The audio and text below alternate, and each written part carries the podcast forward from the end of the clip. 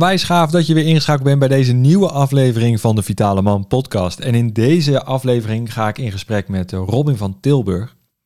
Hij is eh, schrijver en auteur van het boek eh, Kickstart je vaderschap. En dat is ook gelijk het thema van vandaag. We gaan het hebben over hoe jij vitaal in je vaderschap kan staan. Hoe jij deze rol op een gezonde manier kan gaan invullen. En dit heeft te maken op alle facetten. Niet alleen hoe ga je om met die kleine, hoe ga je om met je eigen energieniveau, maar ook wat is er allemaal wat je zou kunnen doen en wat eventueel nodig is voor een vitale rol als vader. Dus het is een hele interessante podcast als jij uh, nu uh, papa binnenkort wordt of net vader bent. Dan is dit wellicht de podcast voor je om, om te luisteren. Er gaan heel veel toffe verhalen gaan we delen en er komt ook heel veel ja, leuke info naar voren die, die je ook terug kan vinden in het boek, wat trouwens echt geniaal is. Ik heb het uh, eigenlijk in één, in één ruk uitgelezen. Dus dat, dat zegt wel wat voor mij als, als dyslect. Dus ja, zeker een aanrader om dat te doen. En het leuke is, je kan een boek winnen. Aan het eind van, van de aflevering vertel ik je hoe jij kans maakt om een van de twee boeken die we weg gaan geven, gesigneerd en wel, over, ja, van het boek Kickstart je vaderschap. Dus wil je hem winnen, luister de hele podcast af en dan komt vanzelf wel voorbij hoe je deze kan, kan bemachtigen.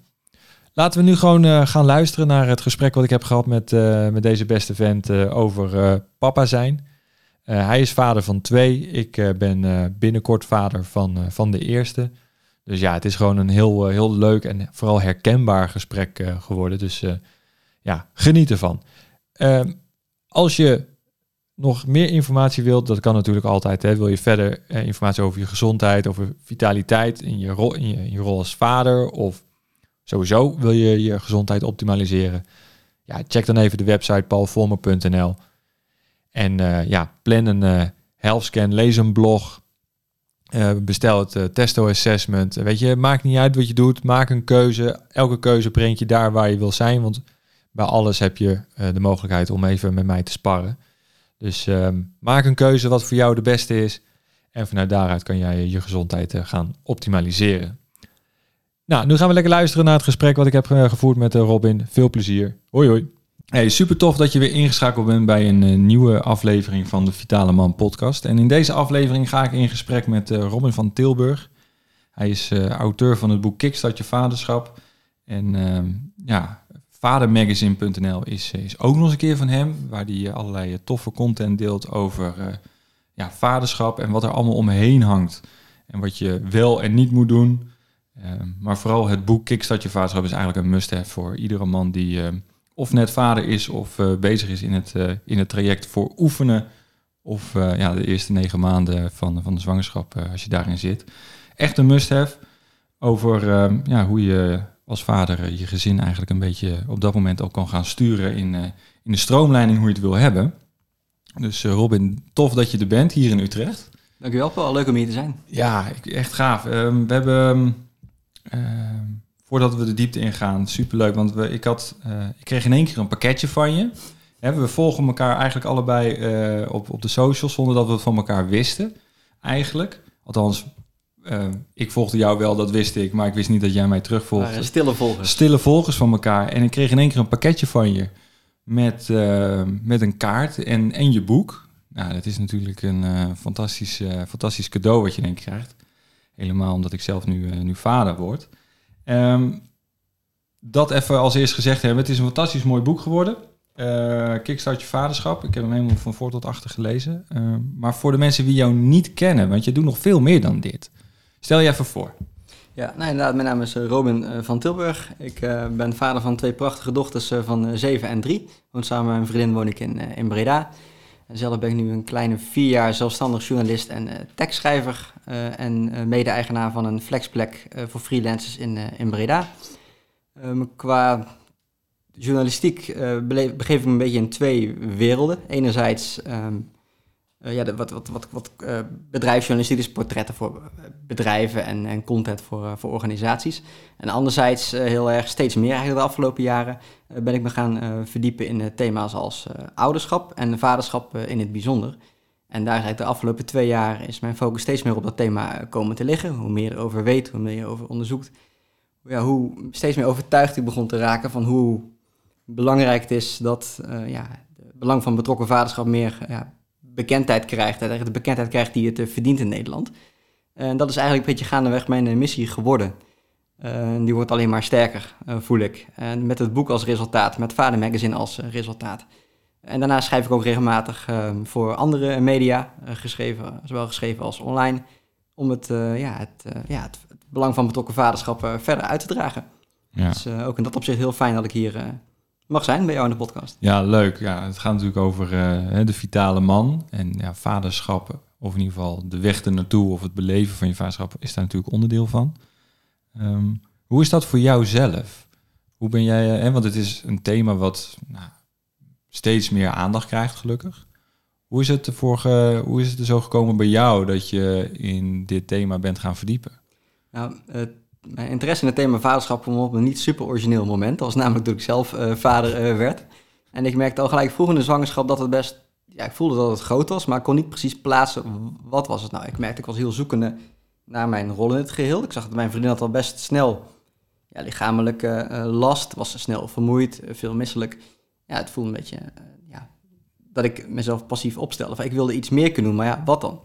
Nou, toen begon ik, ik begon boeken voor aanstaande vaders te lezen, maar daar vond ik niet ja, die waren vaak lollig uh, van aard. Uh, ik, ik heb ze met een lach gelezen, soms hard op moeten lachen en uh, ja, zeker veel plezier aan beleefd. Maar na het dichtslaan van de laatste bladzijde had ik niet per se het idee dat ik nu voorbereid was op wat ging komen. Dus uiteindelijk kwam ik uh, na verder onderzoeken, ja, kom bij de wetenschappelijke literatuur terecht. Daar ontdekte ik zaken als wat de impact is van een betrokken vader op het leven en ontwikkeling van zijn kind. In termen van hechting, hoe belangrijk het is dat je juist in die eerste fase aanwezig bent.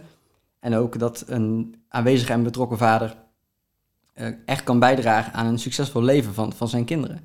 En hoe meer ik daarover begon te lezen, hoe meer het me verbaasde eigenlijk van waarom horen we hier en lezen we hier zo, zo weinig over. Dus gaandeweg ben ik dat zelf maar gaan, uh, gaan doen. en parallel daaraan ja, ontwikkelde ik me, mezelf als, als vader. Mijn dochter werd geboren. Um, toen hebben we thuis voor gekozen dat mijn vriendin bleef vier dagen, later weer vijf dagen werken. En ik zou dan degene zijn die de meeste van de zorg op me, op me ging nemen. Dat was voor ons toen de meest logische situatie. Dan totaal, merk totaal anders dan eh, eigenlijk volgens het regime en de maatschappij hoort te gaan. Nee, precies. En dat, dat, was, dat was misschien wel de trigger om echt iets mee, eh, mee te gaan doen. Omdat je, voor ons was dit de meest logische oplossing en volledig natuurlijk. Ehm, maar als je daarmee naar buiten treedt, merk je al snel dat de maatschappij daar vaak anders over, over denkt. Sowieso, ja, hey, parttimer, vakantieganger dat ik met uh, mijn dochter bij het consultatiebureau kom, dat ze zeggen, goh, hè, lekker dagje vrij vandaag. Of bij de apotheek van, zeg maar tegen uh, je vrouw dat ze drie keer per dag dat moet toedienen. Dat, dat kan ik zelf ook. Ja, is toch wel fijn als mama het ook, uh, ook weet.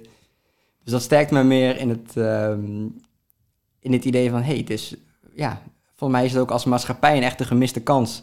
Dat we ons volledig focussen op, op de moeder. Ten meer ook omdat je daar steeds meer berichten over leest.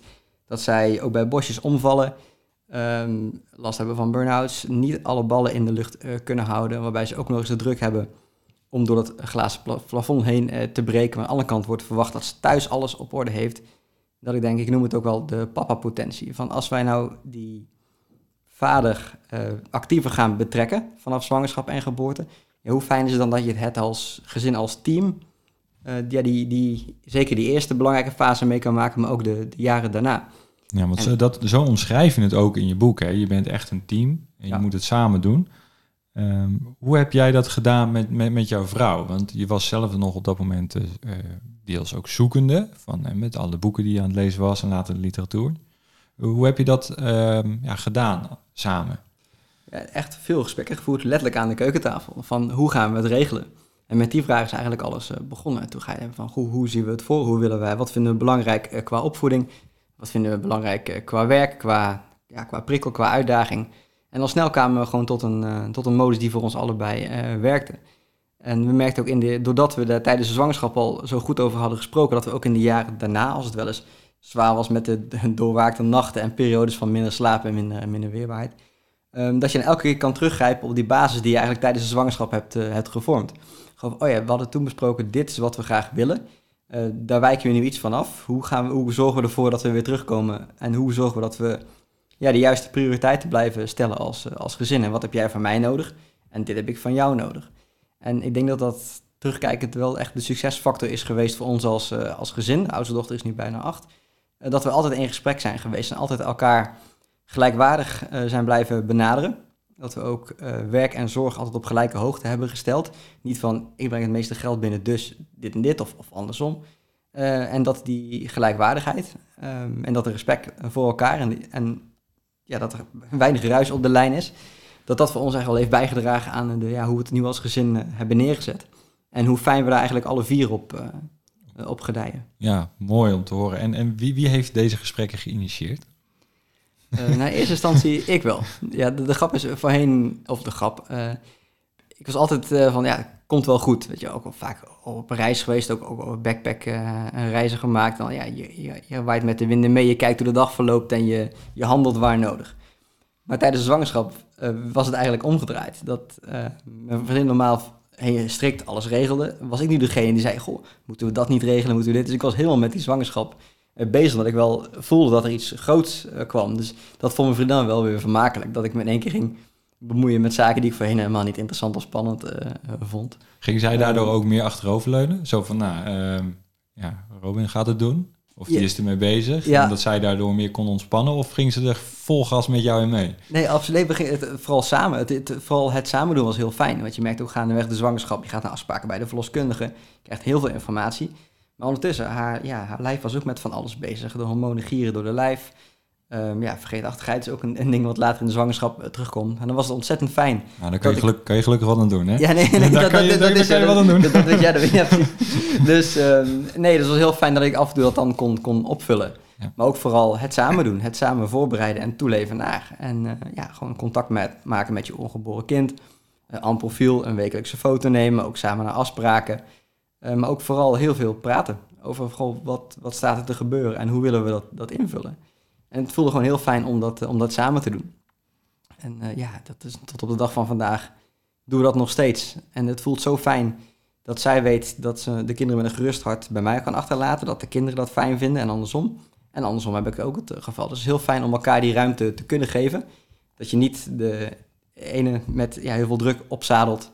Van ja, dit is, dit is jouw uh, deel. Maar dat je het echt gewoon uh, ja, de lasten kan, ja. kan delen. Ja, je hebt, je hebt ook in het boek heb je een x-aantal mannen geïnterviewd om tot het resultaat te komen wat het nu is. Um, ik vind het heel leuk wat je zegt van ja, ze kan, ze kan mij met een gerust hart bij de kinderen laten. Dat is ook iets wat je nu veel ziet, nog steeds in media, filmpjes, et cetera. Dat, dat we als man een beetje klungelig en, en slungelig bij de kinderen worden weggezet. Was dat voor die tijd bij jullie ook? Of is dat gaandeweg veranderd? Of was, de, was die was het er al gelijk van, oké, nou dat komt helemaal goed. Dat is vraag één eh, daarover. En twee is, merk je in de loop van de jaren dat je hiermee bezig bent, dat er steeds meer uh, die switch wordt gemaakt, dat we als man ja, ook gewoon kunnen zorgen.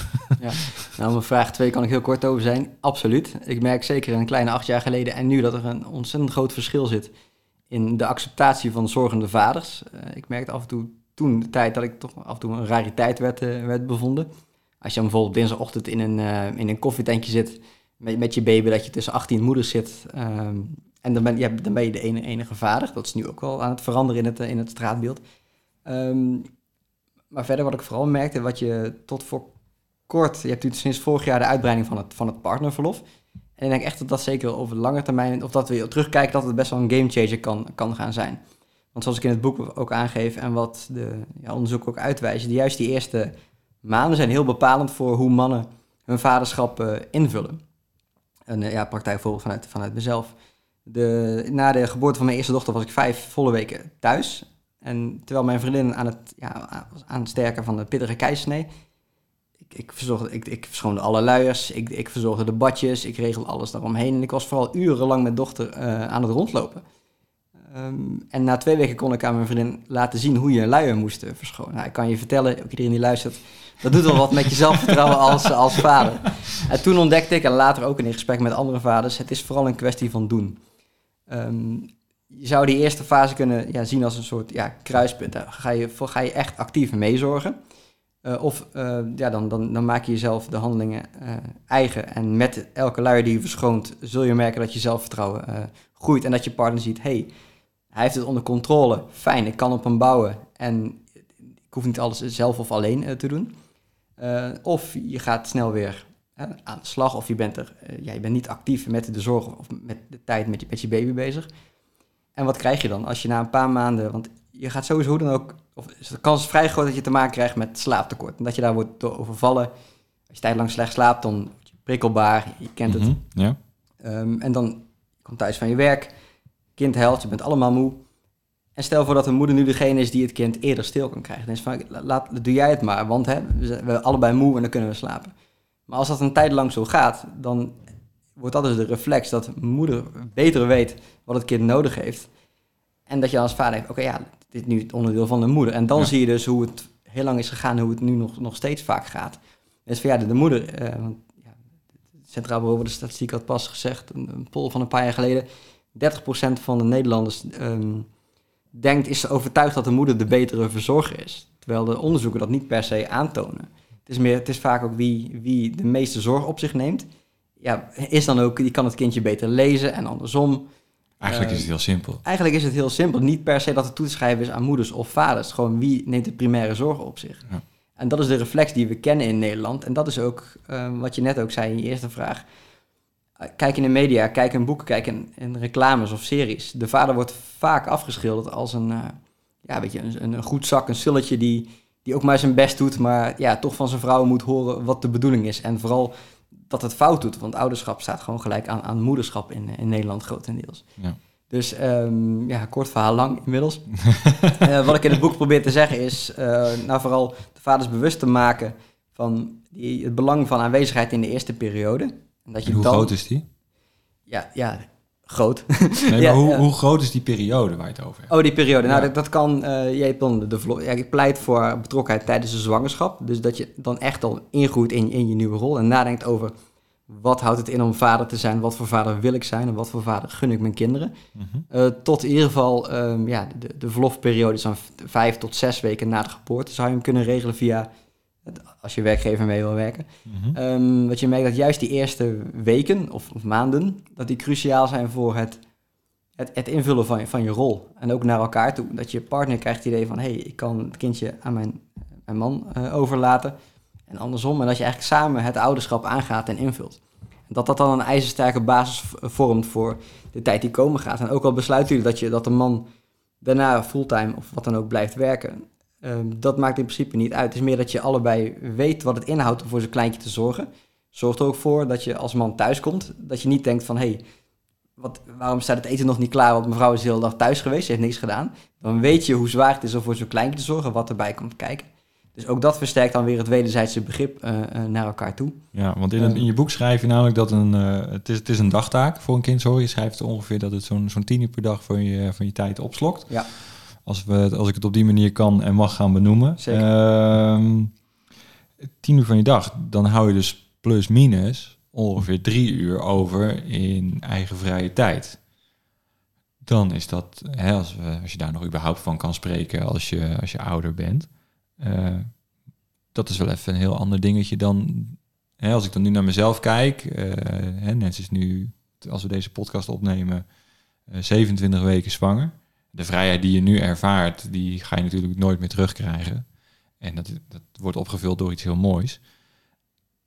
Hoe kan je ervoor zorgen, of wat is jouw visie op het, op het verzorgen dat je die, die paar uur die je voor jezelf hebt, nog eigenlijk zo kan invullen dat je daar eigenlijk genoeg aan hebt? Ja.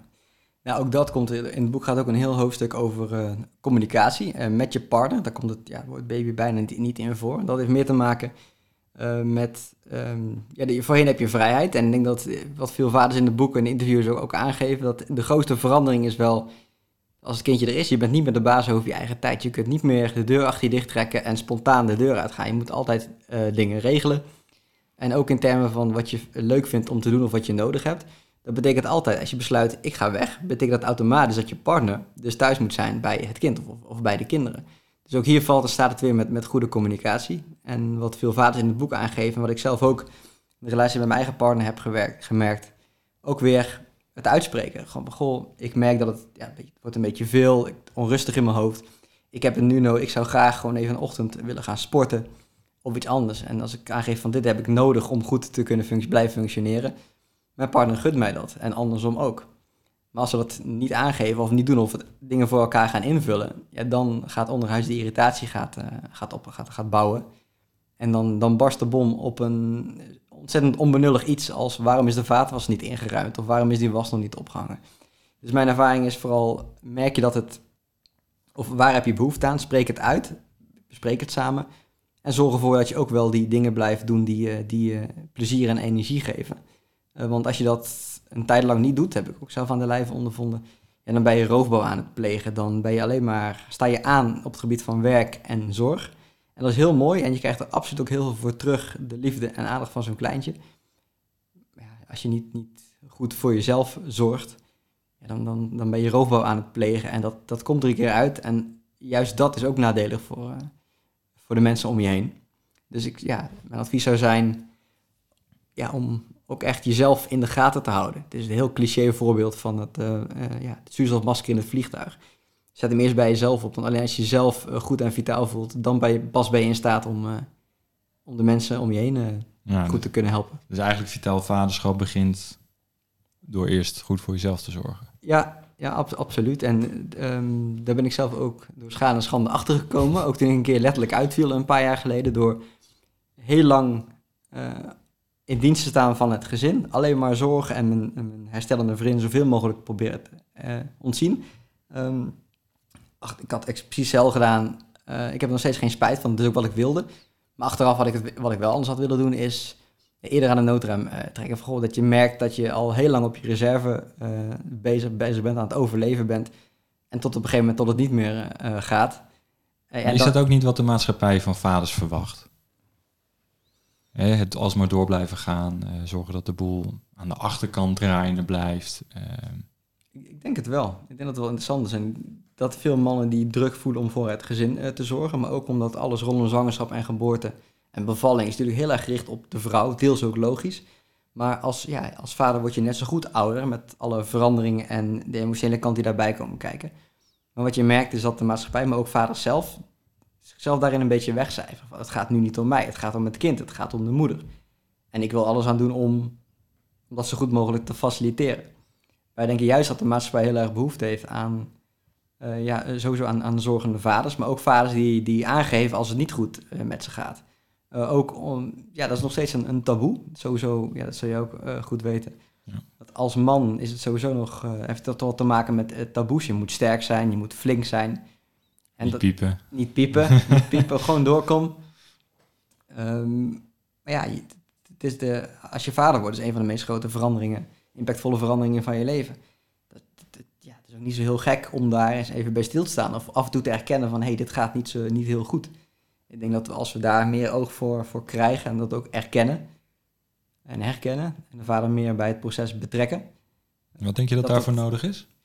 Um, nou, sowieso erkenning uh, van de, ik denk meer waardering voor de, voor de vaderrol, denk ik. Dus inderdaad tijdens de zwangerschap ook vragen, hoe gaat het met vader? Hoe vind jij, uh, ja, hoe gaat het met jou? Uh, heb je nog vragen? Wat heb je nodig? Um, ik denk hoe zeker een vader is over zijn rol en hoe hij die, die gaat invullen. En wat er wordt verwacht, ook wat hij zelf eruit wil halen, hoe meer het hele gezin daarvan zal profiteren. En uiteindelijk gewoon heel, heel de maatschappij ook. Ik denk als je het, als je het enerzijds heb je natuurlijk de voordelen van betrokken vaderschap op ontwikkeling van het kind, maar ook betrokken vaders uh, hebben ook een hele positieve invloed op het welzijn van hun partner, die zwangerschap herstellende is, maar ook in de, in de relationele uh, sfeer. Mm -hmm. dus ik denk dat we er als maatschappij heel erg bij gebaat zijn. Dat we vaders uh, er meer bij betrekken, maar dan ook moeten erkennen dat vaders dus serieus worden genomen in hun rol als opvoeder, maar ook um, ja, ze meer moeten erkennen in hun emotie. Van dat het voor hun ook een hele overgang is. En dat we dat dan ook um, ja, meer of beter faciliteren. En dan heb ik het met name over niet alleen geboortezorg, maar ook vanuit werkgevers bijvoorbeeld. Als je als vader aangeeft, goh, mijn, mijn kind is ziek, of ik moet nu even thuis zijn, dan moet ik zeggen, ja, dat, dat kan niet. Want dat is binnen onze organisatie niet. Daar valt ook echt wel nog een, uh, nog een wereld te, te winnen. Ja. Dus het is eigenlijk heel... En je merkt, uh, ik haal er verschillende zaken bij, maar het is, het is het is heel gelaagd. Niet alleen uh, vaders moeten meer zorgen, punt. Er zit een hele maatschappelijke dynamiek uh, achter. Met hardnekkige patronen van een man is in principe kostwinner, vrouw hoort te zorgen. Wat zou jouw oplossing zijn? goeie, goeie. Wat zou je oplossing zijn? Ja, nee, het, het, het, weet je, het mes dan aan twee kanten. Enerzijds denk ik, als, als je als vader uh, dus goed hebt nagedacht tijdens zwangerschap, wat voor, of daarvoor nog, uh, wat voor vader wil ik zijn, dan is de kans groter dat je ook daar naartoe gaat werken. Zorg ervoor, mag het best wel wat, wat, ja, wat tijd en energie kosten, uh, om te definiëren voor jezelf, wat voor vader wil ik zijn en hoe kan ik ervoor zorgen dat ik dat word. Aan de andere kant zou het fijn zijn als vanuit politiek, maar ook werkgevers en maatschappij breed, um, vaders meer uh, gestimuleerd en gefaciliteerd worden om die rol ook, ook op zich te nemen. Je merkt nu dat vaders op de werkvloer nog heel erg in dat, ja, de rol van de kostwinner gedrukt worden. Als je als vader minder wil gaan werken, dat dat ook kan leiden tot, tot verkapte bedreigingen van, oh, dat is niet handig als je een promotie wil maken.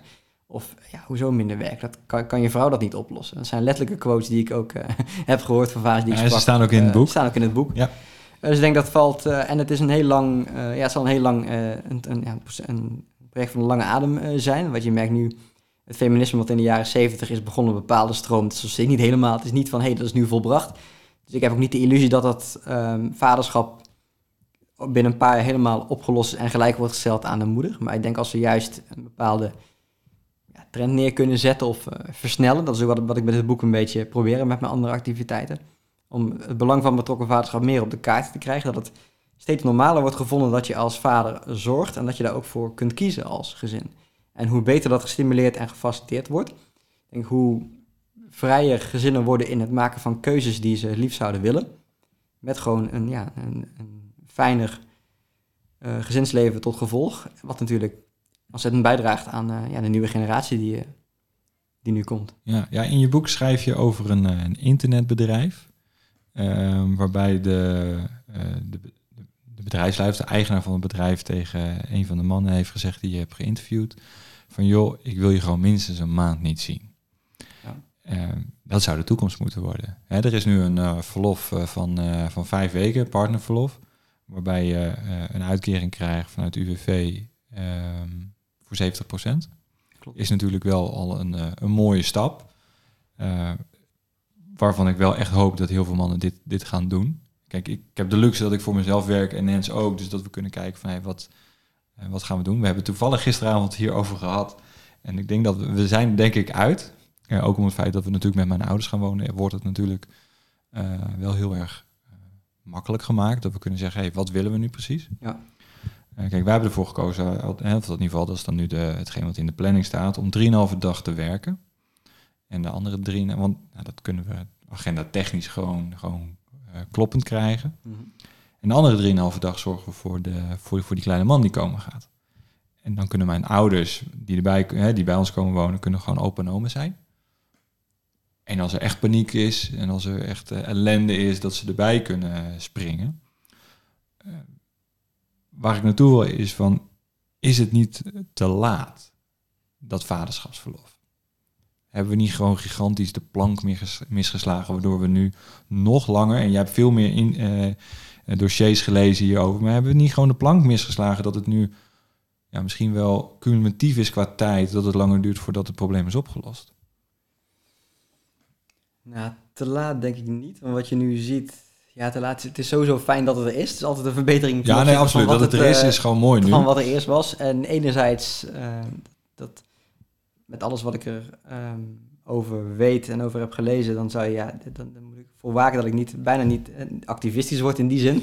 Van nee, hè, we moeten op de barricades, vaders moeten nu, nu, nu. Aan de andere kant moet je ook realistisch zijn. Uh, die patronen, maatschappelijke patronen die zijn zo hardnekkig en die ga je echt niet binnen een paar jaar eruit, uh, eruit krijgen. Het is al heel lang dat eigenlijk sinds dat uh, mannen meer buitenshuis gingen werken, is de moeder steeds meer de hoeksteen van de samenleving van het gezin geworden. En moeder kan beter zorgen. Dat is na de Tweede Wereldoorlog. Heeft dat nog meer...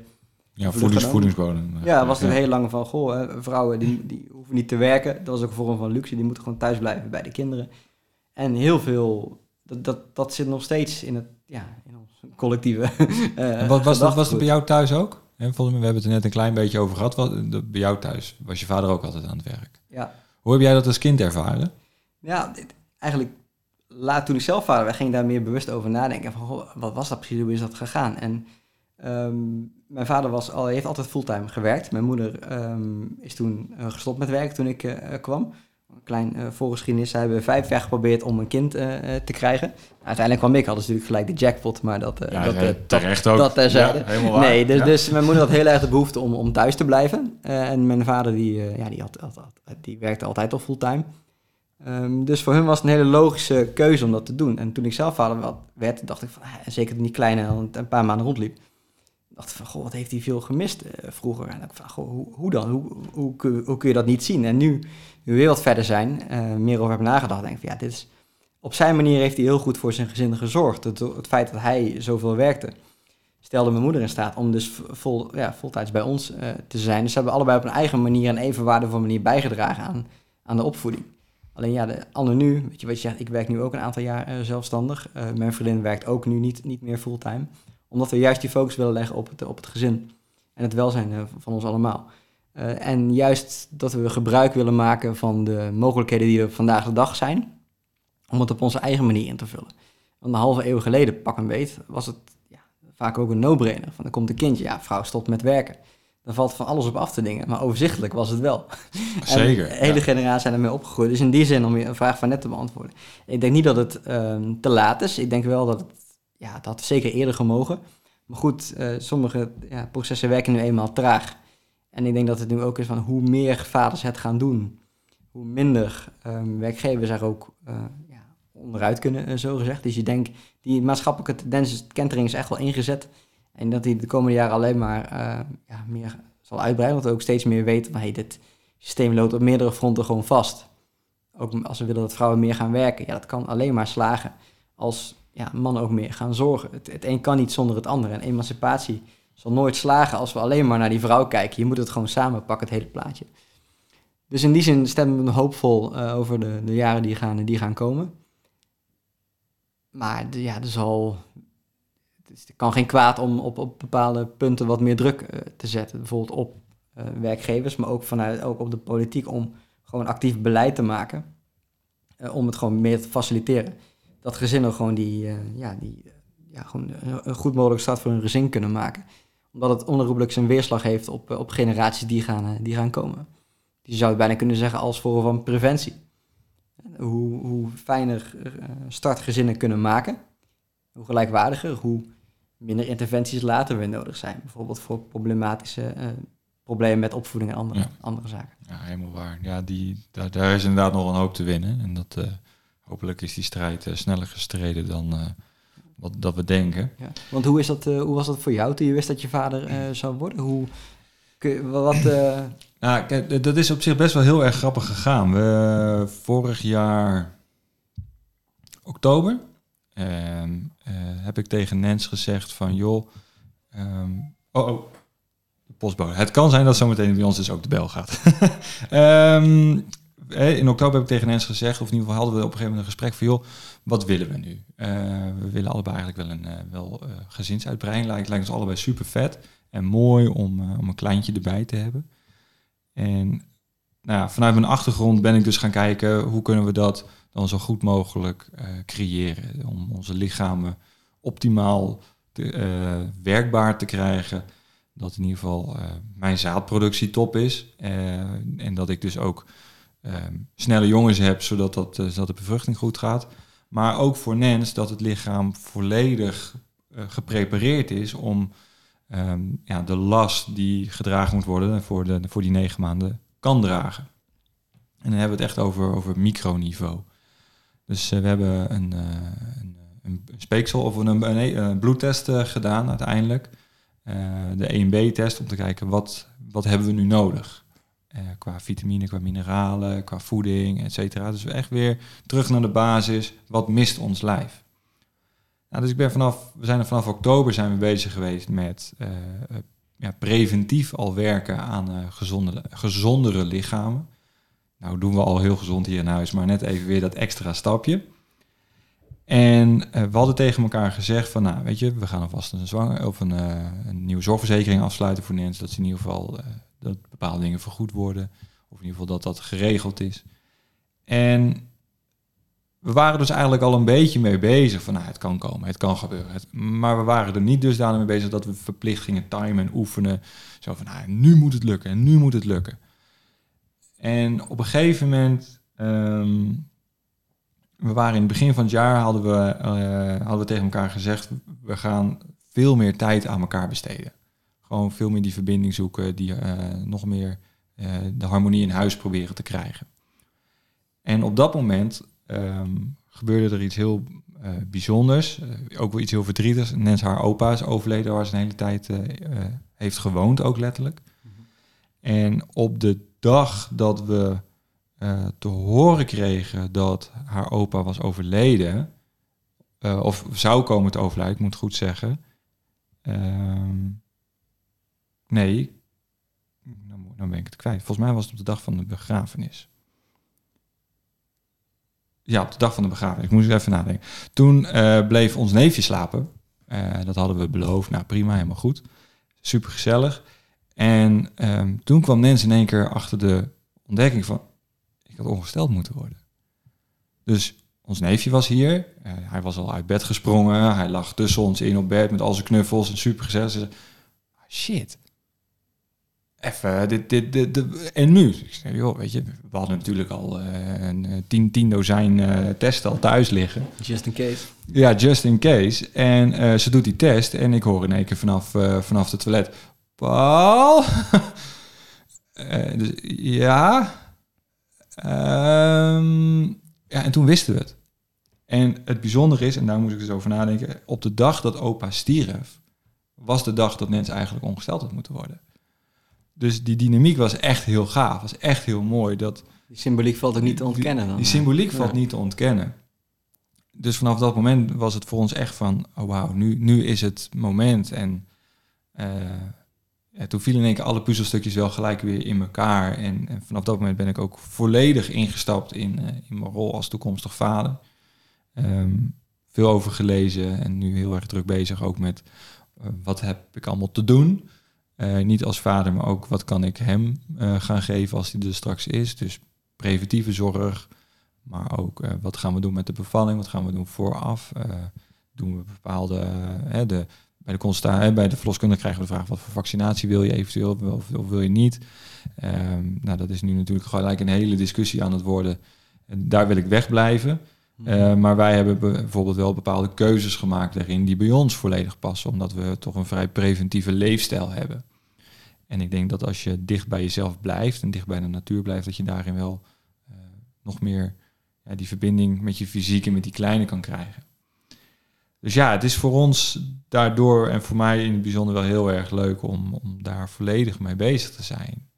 En nou, ik vertelde al in het begin van het gesprek, althans voordat we de microfoon uh, uh, voor ons neerzetten. Uh, we gaan weer terug naar mijn ouders, want ze hebben een huis gekocht. Zij komen erbij wonen. Maar die kleine van ons komt dus in mijn oude slaapkamer te liggen. En dus daarin valt ook weer heel veel symboliek samen. Dus het is voor ons een compleet plaatje. Het, is, het, het, het, het, het een kan niet zonder het ander. En het, ja, ik weet niet zo goed hoe ik het allemaal uit moet leggen. Het is gewoon het is er en het is zoals het moet zijn. En um, ja, nu ook, weet je, we zijn nog steeds bezig met, met goed voor ons lijfzorgen. En uh, waarom ik zei, hè, de, net van zwangers of uh, de geheugenproblematiek bij de vrouwen, dat is op te lossen. Omega 3 erin en dan um, komt dat goed, want die kleine slurpt gewoon dat weg bij, uh, bij, de, bij de moeder. Ja. Um, ja, die pakken al het goeds. Uh, die pakken al het goeds weg. Wat, wat er ja. niet in de voeding zit, uh, pakt, het pakt die kleine uit het lijf van, van de moeder vandaan. Ja. Um, en dat is natuurlijk evolutionair gezien fantastisch, want die kleine is de nieuwe generatie en de voorbode voor een nieuwe, uh, voor een nieuwe toekomst. Ja, en mocht het bij de moeder dan onverhoopt daardoor fout gaan, dan is de nieuwe generatie er al. Dus evolutionair gezien klopt het. Het is natuurlijk alleen niet leuk dat het gebeurt, maar dat moet je dus opvangen. Mm -hmm. Ja, nu is het gewoon zaak om, uh, om de boel gewoon recht te trekken met uh, de bepaalde keuzes te maken. Hoe gaan we de opvoeding doen? Hoe gaan we uh, de bevalling aanvliegen? Het is echt nadenken al van hoe gaan we, dat je nu al nadenkt over keuzes die je misschien over een, een langere tijd moet gaan. Ja, gaan zeker. Maken. Zeker. Kijk, er staat hier nog een tv in de woonkamer, dat is een makkelijk voorbeeld. Hij gaat er straks wel echt uit. Wij kijken al geen tv meer, dus waarom zouden we hem hebben? En merk je dat omdat je weet dat jullie nu ouders uh, gaan worden uh, binnen afzienbare tijd, dat je ook anders over dingen na gaat ja, denken? Zeker, zeker. We gaan wel echt. Ehm, sowieso waren we al voorstander van ehm, zelf potjes maken. We hebben ervoor gekozen en we hebben laatst een hele uitleg gehad van ongeveer anderhalf uur over ehm, ja, wasbare luiers. Uh, daar gaan we dus ook voor. We hebben dus een heel pakket samengesteld. Uh, en dus een voorlichting gehad uh, bij, bij de Billenboutique in, in Nieuwegein. Goeie naam. Ja, echt. Ik, ik maak geen reclame, of in ieder geval, ik word niet betaald om reclame te maken, maar echt wat een fantastisch bedrijf is dat. Gewoon anderhalf uur lang gewoon uitleggen over hoe dat werkt. En echt fantastisch. Dus daar hebben we echt voor gekozen. En het is echt minder gedoe dan je denkt. Um, dus dat is wel heel erg grappig. Wij worden voor gek verklaard dat we dat doen of gaan doen. En zo hebben we meerdere keuzes die we, die we maken. Dat we ja, voor gek verklaard worden. Dat we, uh, we kiezen niet voor de makkelijke weg. We kiezen voor de, in onze optiek de betere weg. En dat is niet de standaard. Hè, potjes zelf maken. Uh, we, we, zijn nu bezig om mensen lichamelijk uh, zo te prepareren dat borstvoeding beter kan gaan. Ik zeg niet dat het daardoor perfect is, maar beter kan gaan. Want, Optimaliseren, kans vergroten. Ja, kans vergroten, want heel veel vrouwen hebben daar wel echt last van. Dat ze te weinig uh, of te kort borstvoeding kunnen geven. Nou, dat heeft gewoon echt te maken met hoe is het lichaam geprepareerd. En wat we wel vaak horen, dat hoor ik ook bij de verloskundigen, is joh, uh, ja, je moet maar geluk hebben dat, het, dat je het kan geven. En ik zie niet dat daar geluk in zit, want het is biologisch zo geprepareerd dat dat hetgeen is wat moet. Dus waarom als het nu niet meer lukt, wat is er dan fout in het voortraject? Want juist in die moedermelk zit gewoon heel veel, uh, heel veel bouwstof. Ja, en dan kom je natuurlijk ook weer op het punt, ik weet niet hoe jij daarover gedacht hebt uh, met, uh, met de zwangerschap van, van je vrouw en de komst van die twee kleine. Welke protocollen ga je wel volgen in het ziekenhuis, mocht je daar bevallen moeten worden? Nou, je vertelde net keizersnee, dus je hebt te maken gehad met al die protocollen. Ja, hoe ga je daarmee om? Wij zitten nu in het punt van, joh, dat we het bevalplan moeten maken. Ja, ik, ik ben dat helemaal nu aan het uitzoeken met wat ik wel wil. Of uiteindelijk, ik, ik niet alleen, maar Nens ook. Mm. Met, met betrekking tot ongeveer die vitamine K-prik die je gelijk krijgt. Wat niet heel veel ouders weten dat dat, dat gebeurt. Want dat wordt vaak in, even tussendoor gewoon flats een, een spuit in die, in die kleine gestoken. Um, dus daar ben ik nu wel echt mee bezig met van, ja, wat, wat willen we nu? En welke impact zou dat kunnen hebben eh, op zo'n klein lijfje? En kunnen we dat op een natuurlijke manier opvangen? Dus ja, ik, ik, ik, ik zit meer in dat stuk. En, en Nens die doet ja, de rest, de, de, de, de kleertjes, de kledingkamer en de meubeltjes. Dat doet Nens allemaal. Daar ben ik heel eerlijk in. herkenbare verdeling. Uh, en, en ik ben echt bezig met wat gebeurt er nou intern en wat, hoe kunnen we dat oplossen. Maar dat is natuurlijk ook gewoon een professionele insteek daarin. Maar je zei net wel iets interessants van uh, dat je bepaalde vlakken voor gek wordt verklaard. Dat heb ik zelf ook in bepaalde mate gemerkt. En in het boek, wat onderzoek ook laat zien, is dat uh, gebrek aan sociale acceptatie om voor bepaalde keuzes te maken. Dat kan tijdens zwangerschap zijn, maar ook om als man bijvoorbeeld minder te gaan werken. Dat dat een van de grootste redenen is om ergens niet voor te kiezen, terwijl je dat diep van binnen wel zou willen. Zeker. Um, hoe gaan jullie daarmee om? Ja, wij zijn allebei. Um vrij standvastig in wat we willen. Wij, wij hebben, wat dat gaat gewoon echt scheid aan wat iemand anders vindt. Want wij doen het op onze manier. Um, om een voorbeeld te geven, um, de um, kinkhoesprik tijdens de zwangerschap. Die krijgen de vrouwen over het algemeen zodat de kleine straks maar één prik of één prik minder uh, kan ontvangen of moet ontvangen. Ja, voor ons was het een keuze om het niet te doen. Waarom? Ja, we zien toch veel minder mensen. Uh, in deze periode, helaas. Uh, we hebben uh, geen ander kind waar we rekening moeten houden. Dus die kan ook geen dingen meenemen van een kinderdagverblijf of dat soort dingen. Dus het is een bewuste keuze geweest. Maar dat neemt niet weg dat er geen gekke ogen getrokken worden of, of meningen worden verkondigd over van ja, maar die, die, en die kleine dan? Ja, nee, oh, wacht even. Wat je doet voor de moeder is uiteindelijk ook goed voor de kleine. Ja.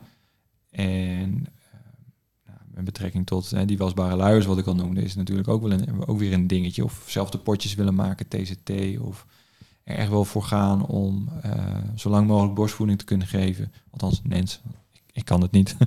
um, dus, gekolfde flesjes. Ja, gekolfde flesjes. Uh, en, en, en daarin zoek ik ook wel weer dingen uit. Maar Nens ook met hoe kunnen we ervoor zorgen dat eh, hechting beter gaat. Vanuit de Ayurveda zijn natuurlijk zulke mooie dingen. Hmm. Ehm, dus, dus ik ben nog een beetje aan het uitzoeken wat voor fles wil ik dan in, in die hele kleine periode dat ze, uh, ofwel in die borstvoedingperiode, dat als ik een fles geef, dat ik dan uh, hetzelfde effect kan creëren op huid-op-huid contact. Er zijn speciale flessen voor. Ja.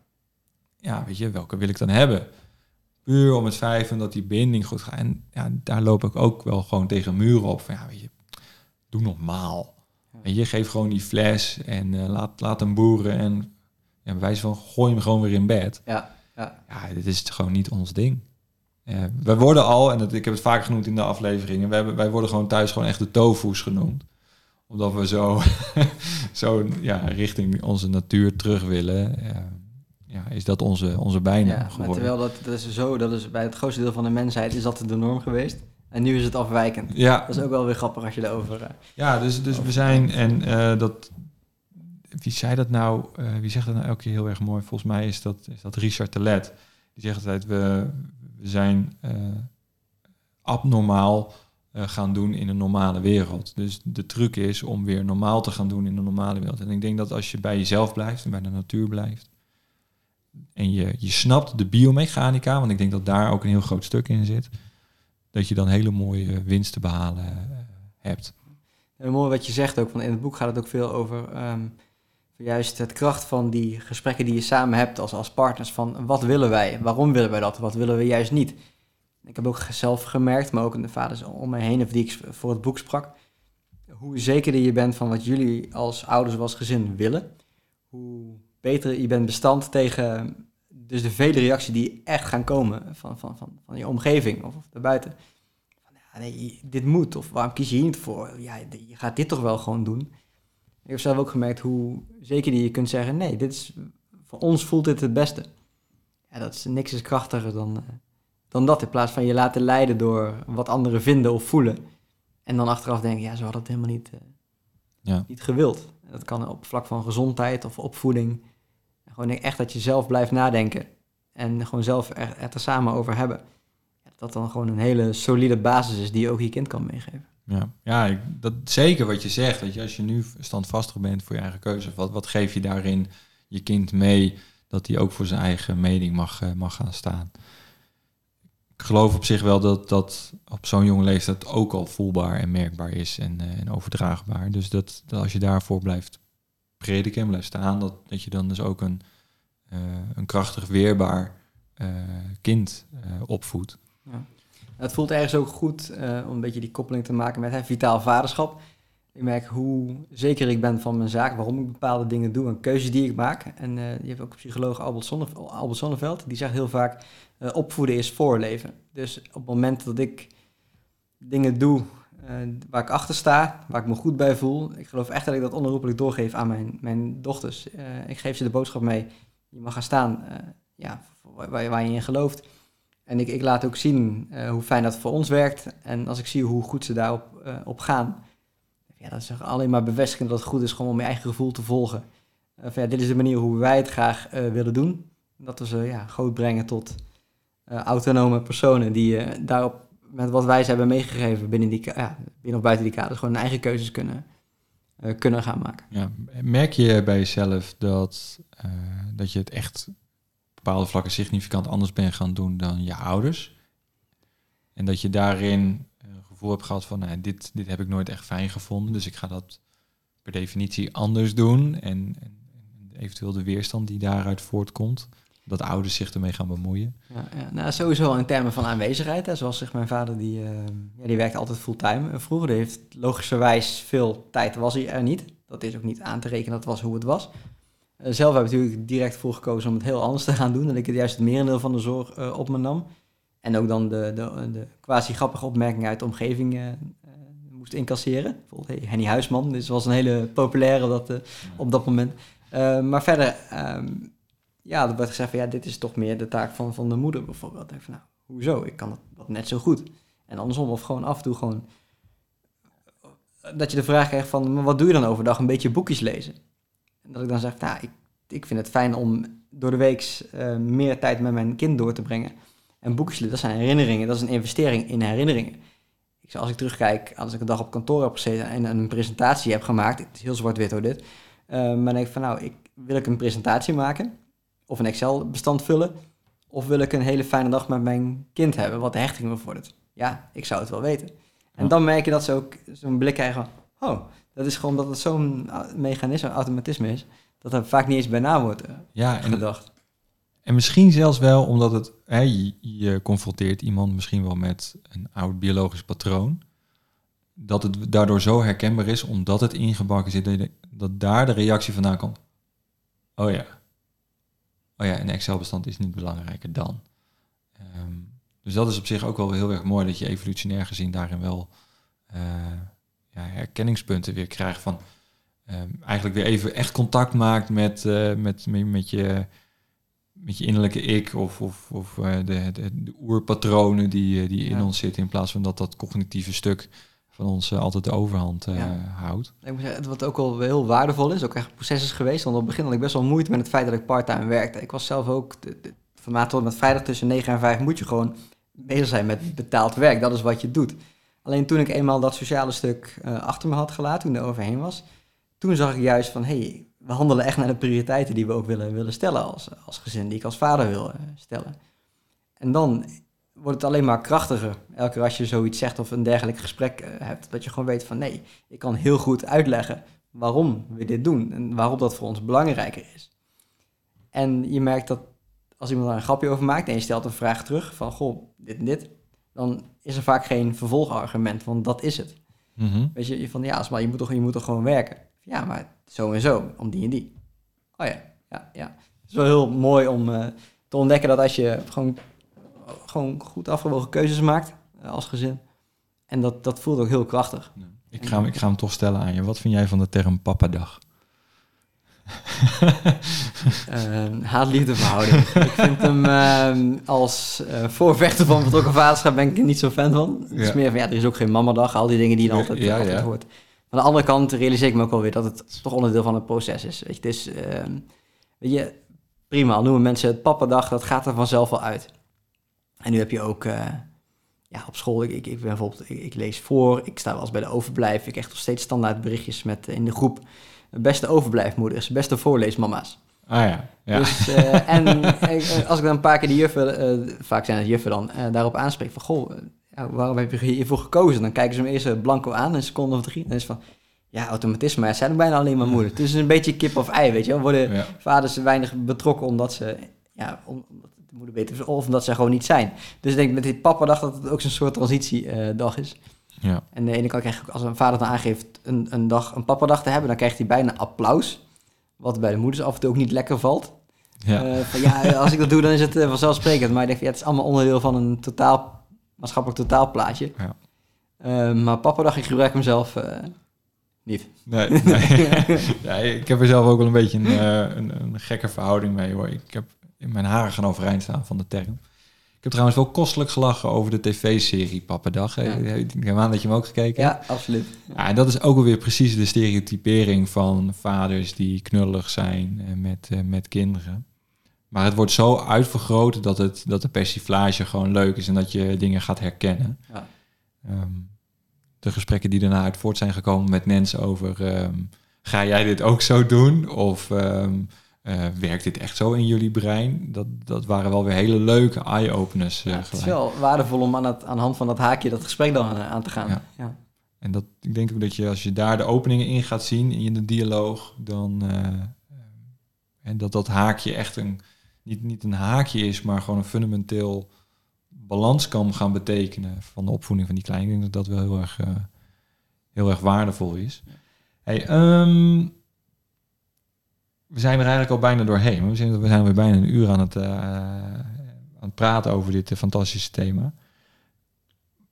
Eigenlijk, ik, ik, wil hem nog wel even benoemen, want dat wordt echt onvoldoende benoemd in, in heel veel dingen. Jij beschrijft in je boek en ik vond het fascinerend om te lezen, want ik, ik wist het bestaan echt niet. Postnatale depressie bij vaders. Ja, ik zou bijna zeggen, uh, what's gebeurd? Uh, wat, uh, wat, wat is dat? Want um, je hoort het alleen maar over de moeders. Ja. Um, maar papa's kunnen er ook last van hebben. En wat je, omdat vaders heel lang ehm, ja, toch als secundaire verzorger werden gezien, of niet, niet, niet echt serieus werden genomen in hun rol als ouderverzorger, is er het wetenschappelijk onderzoek eigenlijk pas in de jaren tachtig echt, uh, heeft echt een vlucht genomen op vlak van, van vaderschap ook. En al heel snel bleek bij die onderzoeken dat ook vaders ehm, ja, gewoon verschillen in, in hormo lichamelijke hormonale uh, verschillen of ontwikkelingen doormaken als er een kindje op komst is. Ja, het zijn allemaal thema's die jij heel goed uh, kent. Met de mm testosteron wordt lager uh, als een kindje op komst is. Maar ook... Ja, ehm, daar, daar komt dus ook deels eventuele depressie vandaan. Ja, ja nee, exact, exact. Maar ook juist als je als vader heel erg betrokken bent bij, bij de directe zorg. Je hebt de zorgen, het, het doet wat met je, die, die hechting, alles daaromheen. Maar ook als vader kun je ook gewoon overweldigd worden door wat er staat uh, te gebeuren. En eigenlijk die, die cocktail van alles bij elkaar kan er ook voor zorgen dat volgens statistieken 1 op de 10 vaders te maken krijgt met een vorm van, die je zou kunnen toeschrijven als postnatale depressie of, of een aantal dingen die daar raakvlakken mee, uh, mee hebben. Uh, maar wat je zegt, vaak is het, ja, dat, dat, is veel minder bekend. Het hoort bij, bij moeders. die, moeten, die hebben het kind gedragen, die hebben het lichamelijke aspect. En vaders, ja, die, hebben, ja, die kunnen het kind uh, eten geven, aanleggen, helpen aanleggen. En dat was het. Um, en in mijn boek ga, stip ik het hele even aan. En meer ook om ja, soort aandacht te vragen. Voor, er gebeurt bij een vader veel meer dan dat hij nu in één keer vader is, een sigaar rookt en een klap op de schouder krijgt van gefeliciteerd jongen. Er gebeurt ook echt intern uh, van alles, ook hormonaal en, en emotioneel. En ik denk als we willen dat de, ja, de, de vader toch op soort van meer naast de moeder wordt geplaatst. Omdat je dan pas echt eigen vrije keuze kunt maken als gezin. Dat we ook dat stukje mee moeten nemen. Dat je ook, en dat is, uh, dat zul je ook herkennen, mannen ook uh, sneller eerder moeten aangeven als het niet goed met ze gaat. En dat heb ik zelf ook lastig ervaren destijds. Um, omdat je vindt dat het niet om jou draait. Het gaat om je vrouw, het gaat om je kind. En dat is heel mooi. Ja, zorg ook een beetje goed voor jezelf, uh, man. Ja, zeker. En, en, durf hulp te vragen als het, Zeker. Als het nodig is. Ja. Um, laatste vraag, daarna gaan we echt afronden, want we kunnen eigenlijk nog wel een hele middag volgens mij uh, vullen met dit thema. Um, wat zijn voor jou nou echt vitale eigenschappen voor een toekomstig vader of vader die ja, al is? Ja, ja. Uh, sowieso wat we veel over hebben gehad. Um, denk goed na over wat voor vader je wil zijn, wat voor vader je je kinderen gunt. Uh, denk na over je eigen jeugd. Wat vond je fijn, wat wil je graag anders doen. Uh, dus vooral nadenken over hoe je rol wil, wil invullen. Ik denk als je daar uh, goed over na hebt gedacht, is de kans groter dat je er ook naar gaat handelen. Of dat je in ieder geval bewust van bent. En daarnaast, wat ik eigenlijk pas na de geboorte van mijn, mijn tweede dochter kwam, uh, ja, een moeilijke start gehad. waarbij ik zelf ook ja, die eerste, eerste half jaar heel weinig heb geslapen. Heel veel op, op koffie en stroopwafels heb geleefd om maar die dag door te komen. En gaandeweg de jaren ben ik steeds meer overtuigd geraakt van hoe dat een vitale vader, dus een fysiek fitte vader, als ik, als ik, hoe fitter ik ben, hoe betere vader ik ben. Dat klinkt heel groot, maar het is, het is wel echt zo. Dus ik denk, zou ook vaders willen adviseren, zorg ervoor dat je zelf fit en, vitaal en gezond bent. Want alleen als je jezelf goed voelt, kun je ook echt zijn voor je, voor je kinderen. Zo probeer je de laatste geruime tijd al.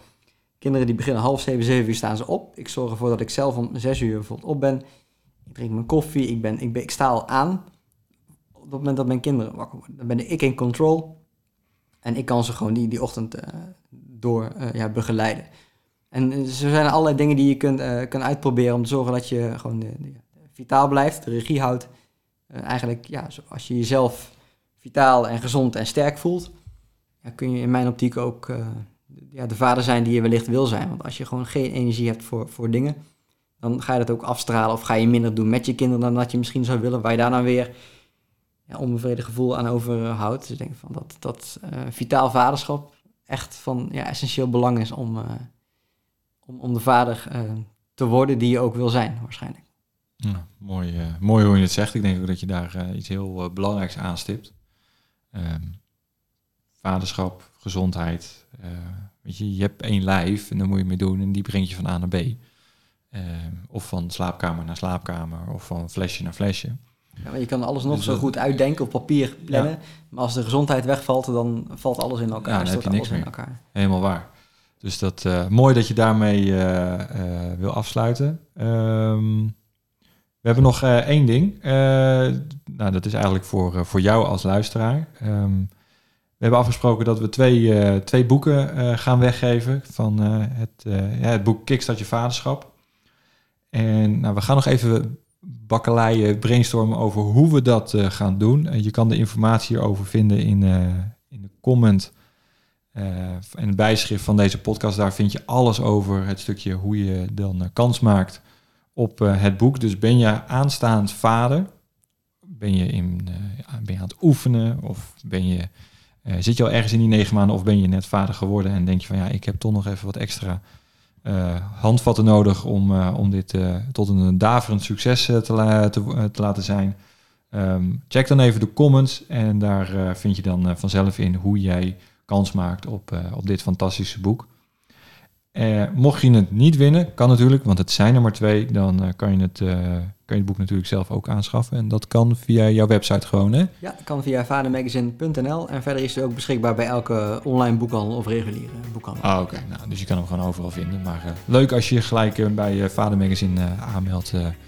Dus eh, Schrijf ik er iets moois in. dan schrijf je er iets mooi. Kijk, nou, dat is natuurlijk helemaal mooi. Dus eh, als je het boek eh, wilt, dan zou ik naar vadermagazine.nl gaan. Hey, dankjewel dat je geluisterd hebt, Robin. Jij bedankt dat je hier was voor dit mooie gesprek. Dankjewel Paul. En ik denk dat we nog even een kopje koffie gaan doen.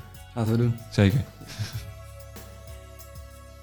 Ja, top. Je hebt dus kunnen luisteren naar het gesprek wat ik heb gehad met Robin van Tilburg, schrijver van het boek Kickstart je vaderschap. En ja, zijn platform Vader Magazine is, eh, is er echt voor jou als je nieuwe informatie wilt en toffe content wil over eh, ja, hoe je goed in je, in je nieuwe rol of bestaande rol als vader kan stappen. En ja, nu is het eh, ook nog eens een keer zo dat je zijn, zijn boek kan winnen, zoals we hadden gezegd. En wat je daarvoor moet, moet doen, is eigenlijk mij even een, een mailtje sturen. via info.paulvolmer.nl. Dus, eh, en en de, eigenlijk, waar moet je aan voldoen? Je bent of vader, net vader, dus een, eh, een frisse jonge papa. Of je, vrouw is in, eh, in eh, blijde verwachting en die is zwanger. Val je in die categorie, dan stuur mij een mailtje met heel kort van... Yes, ik wil dat boek winnen. Dan kijk ik daar ja, uit alle inzendingen wie, wie ik gelukkig ga maken. Dus maak er wat moois van. Zorg dat ik jou uit, uit de hoge hoed ga toveren. Dus mail mij en dan komt het helemaal goed. En wil je nou eh, zelf aan de gang, hè, want we sloten heel erg tof af over het feit dat eh, gezondheid zoveel kan doen voor je, voor je vaderschap. Wil je nou zelf echt in die juiste energie komen, je lichaam goed voeden, door jezelf op één te zetten, kan je namelijk ook de ander alles geven wat in je zit. Dus heb je nou echt zoiets van, hey, ik, ik ben aanstaand vader of ik ben een jonge vader en ik heb gewoon echt even die optimalisatie aan te gaan, zodat ik ja, niet tegen een, eh, een, een dode muur aanloop of, een, of hè, in een doodlopende straat terechtkom. Ik wil gewoon door, ik wil de juiste afslag pakken. Dan is eh, zeker het, eh het testo assessment in eerste instantie voor jou hetgeen wat je kan doen. Ehm, daarnaast het vitaal meesterschapsplan. Dus dat 100 dagen traject, dat gaat je echt gigantisch helpen. Maar ik zou zeggen, begin met ja, dat testo assessment of die health scan. maar maak de keuze en ga ermee aan de slag. Dat is eigenlijk de boodschap die ik toch nog even voor je heb. eh, om daarmee eh, af te sluiten. Hey, dankjewel voor het luisteren en we spreken elkaar eh, weer de volgende aflevering.